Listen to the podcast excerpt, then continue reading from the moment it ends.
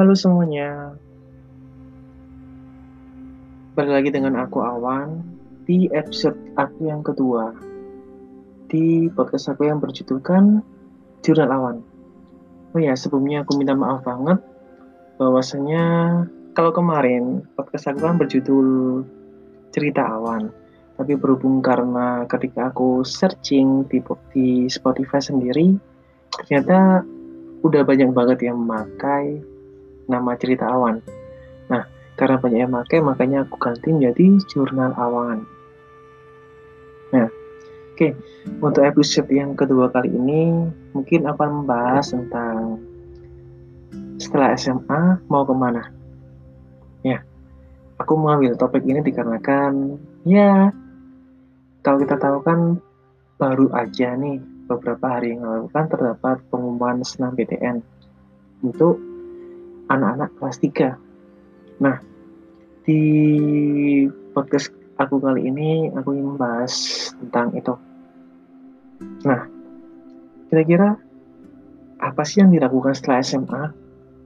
Nah, sebenarnya setelah SMA atau setelah lulus SMA itu bisa kita jadikan sebagai tonggak umur kita, tolak ukur kita uh, tentang gimana cara kita melangkah ke depannya. Soalnya setelah SMA ini setiap orang atau setiap anak pasti me memilih dua hal, harus memilih dua hal. Yang di antaranya yang pertama itu lanjut ke kuliah, yang kedua atau lanjut kerja. Nah, uh, mungkin secara mayoritas kebanyakan anak-anak setelah SMA itu ya pasti daftar ke perguruan tinggi. Dan untuk teman-teman yang mungkin punya pola pikiran berbeda pasti akan memilih untuk mencari kerja. Entah itu karena perekonomian atau mungkin keinginan diri sendiri. Nah, setelah lulus SMA itu biasanya terdapat beberapa hal kalau misalnya kita mau ke perguruan tinggi itu ada SNMPTN yaitu jalur undangan dari universitas negeri habis itu ada PMTK yaitu jalur undangan ke Poltek Politeknik. Terus ada tes tulis tes tulis perguruan tinggi atau SBMPTN biasanya. Terus yang selanjutnya ada tes tulis dari Poltek. Dilanjutkan sama beberapa universitas universitas negeri dalam negeri kayak seperti kayak STAN habis itu uh, intelijen negara dan lain-lain.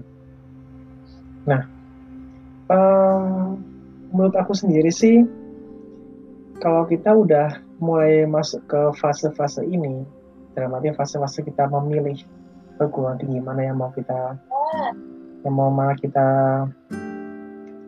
pilih um, kita harus bisa memilih kayak strategi-strategi yang yang kemungkinan bisa membantu kita. Kayak aku dulu ya jujur sih aku aku nggak terima kuliah di kampus sekarang ini di UM di teknik informatika di jalur SBMPTN yang di mana sebenarnya ini um, aku sama sekali nggak nggak expect sama sekali. Karena tahu sendiri karena SBMPTN itu soalnya sangat sulit sulit banget. Hmm. nah mungkin ya buat yang belum mengalami masa-masa SNMPTN aku kasih saran ke kalian kebanyakan kan kakak tingkat kakak tingkat kalian ketika mereka kayak ngadain expo gitu ya SNMPTN itu harus dipilih sesuai dengan keinginan kalian. Dan itu sebenarnya menurut aku itu banget. Karena apa? Ya, emang kita harus memilih sesuai yang kita inginkan, tapi kita harus melihat dulu kira-kira kesempatan atau peluang yang bisa kita raih untuk bisa masuk ke sana itu seperti apa. Nah, itu yang perlu dipikirkan lagi. Nah, pengalaman aku dulu, karena dengan embel-embel pilih universitas yang kamu mau dan pilih jurusan yang sangat ingin aku pilih jadi ya waktu setelah PTN aku memilih secara asal berarti aku memilih yang benar-benar aku pengen tanpa melihat konsekuensi yang harus aku hadapi. Dan hasilnya adalah ya SNMPTN sih aku nggak terima ya. Aku nggak terima. Uh, SNMPTN nggak terima. Terus aku lanjut ke jalur undangan Politeknik. Nah, lagi-lagi di Politeknik ini aku sama sekali nggak masih belum kepikiran kira-kira strategi apa yang harus aku pilih. Nah, hasil ya aku pilih sesuai dengan yang aku inginkan tanpa melihat bagaimana peluang aku ketika masuk sana. Ya hasil akhirnya ya tahu sendiri lah. Aku otomatis yang nggak keterima di sana PTA di jalur undangan Politeknik.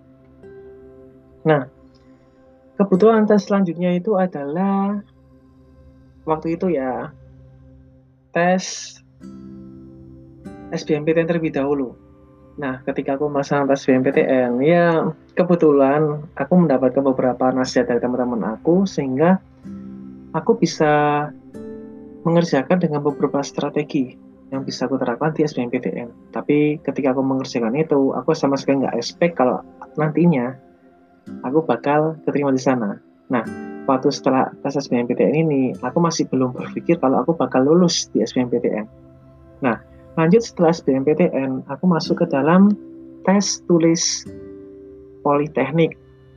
Nah, ketika aku mengikuti tes ini, jujur saja sih, aku agak, bukan agak sih, aku sangat pede banget. Karena apa? Ketika aku mengerjakan tes-tesnya, ya tes-tesnya menurut aku mudah dan aku bisa mengerjakan dengan lancar. Dan karena aku kepedean banget, aku merasa aku yakin kalau bakal keterima di tes tulis ini. Nah, setelah uh, melakukan tes SB, uh, tes tulis Poltek, pengumuman yang muncul itu kan pengumuman tes tes Poltek terlebih dahulu daripada SBMPTN. Nah, ketika muncul pengumuman tes tulis Poltek yang selama ini aku agak pede gitu biar bisa keterima, ternyata hasilnya enggak aku sama sekali nggak nggak ada nama aku dan nggak lolos dan lebih dan lebih menyebalkannya lagi. Awan waktu tes itu berangkat sama teman aku nih. Sama teman aku berangkat tes di Surabaya kalau nggak salah. Dan nyatanya yang keterima malah teman aku dan aku nggak. Astaga. Nah dari situ aku mulai jujur ya aku mulai ngerasain drop banget drop dalam arti ya aku bingung. Aku mau kuliah apa gimana ini? Kalau misalnya aku nggak kuliah aku selalu tahu ini mau ngapain lagi?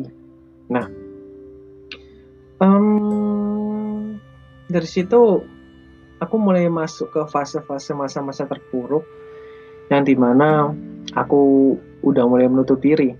Menutup diri dari teman-teman aku dari kegiatan-kegiatan yang istilahnya kumpul-kumpul. Soalnya apa? Yang jelas ketika teman-teman kumpul pasti mereka yang ditanyain adalah kamu keterima di mana? Nah, ketika ada pertanyaan seperti itu, kemudian uh, kondisi kita kita masih belum dapat kampus, ya tahu sendiri lah ya perasaan kita seperti apa ya. Nah maka dari itu uh, aku waktu itu menghindari banget yang namanya uh, berkumpul berkumpul sama teman-teman gitu fase itu aku lewati sampai dengan waktu pengumuman SBMPTN. Nah, waktu pengumuman SBMPTN ini, hmm, ya seperti yang aku bilang di awal, kalau aku sebenarnya nggak expert sama sekali karena ya kita karena aku tahu sendiri soal SBMPTN itu sangat sulit, sangat sulit banget. Nah, ternyata ketika aku melihat hasil pengumuman alhamdulillah aku keterima. Itu nah pesan dari aku sendiri sih gini. Rezeki setiap orang itu berbeda-beda.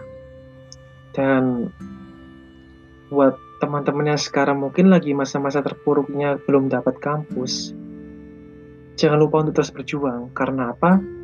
Uh, ya karena kita ini hidup kita hidup dan kita harus tetap jalani hidup kita masalah hasil, um, kita serahkan sama yang di atas. Yang jelas kita harus usaha maksimal mungkin untuk hasil kita pasrahkan yang di atas. Dan hmm, setiap orang pasti punya rezekinya masing-masing. Entah itu ada yang keterima di senah PTN, entah itu keterima di politeknik, entah itu keterima di SBMPTN, kita nggak tahu.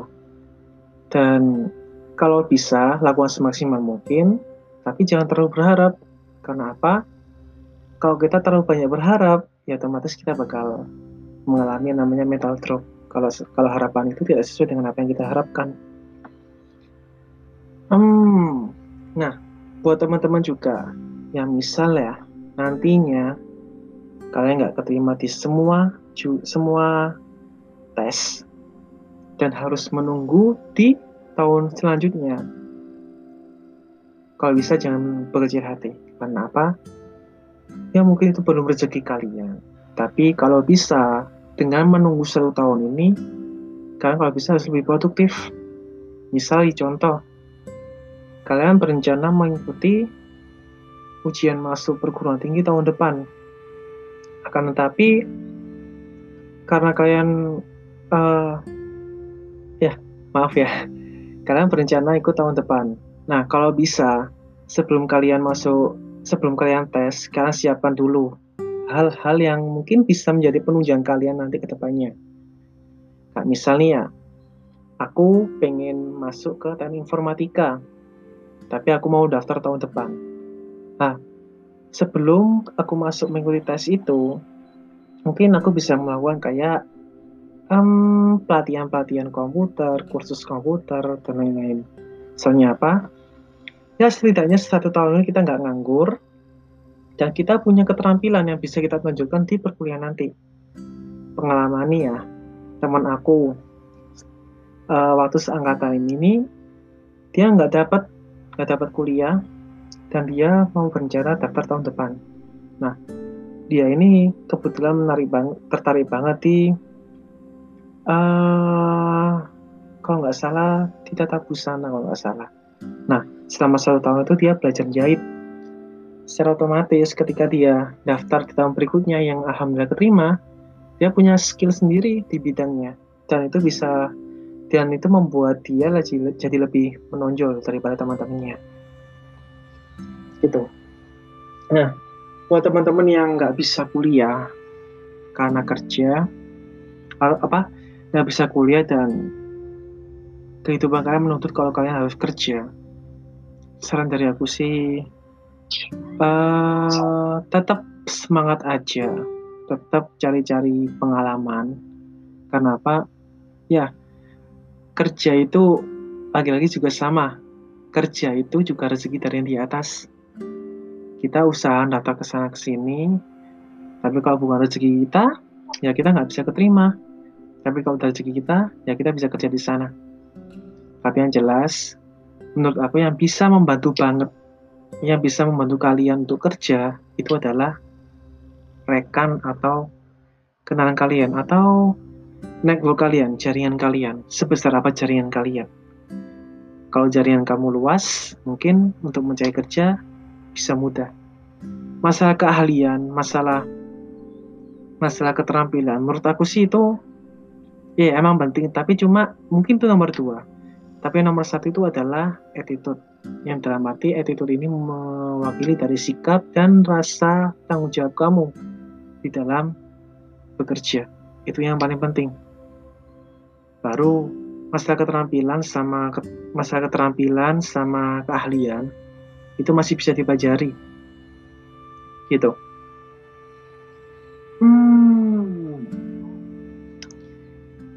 mungkin cukup itu dulu. Mungkin cukup itu dulu ya pesan dari aku.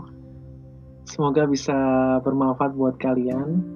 Semoga bisa bermanfaat dengan dengan ah semoga bisa bermanfaat dengan kehidupan kalian. Tetap semangat terus buat yang masih belum lulus NAMPTN jangan bocil hati masih banyak kesempatan. Oke? Okay? oke. okay. Aku pamit terlebih dahulu. See you di episode yang lain. Bye-bye.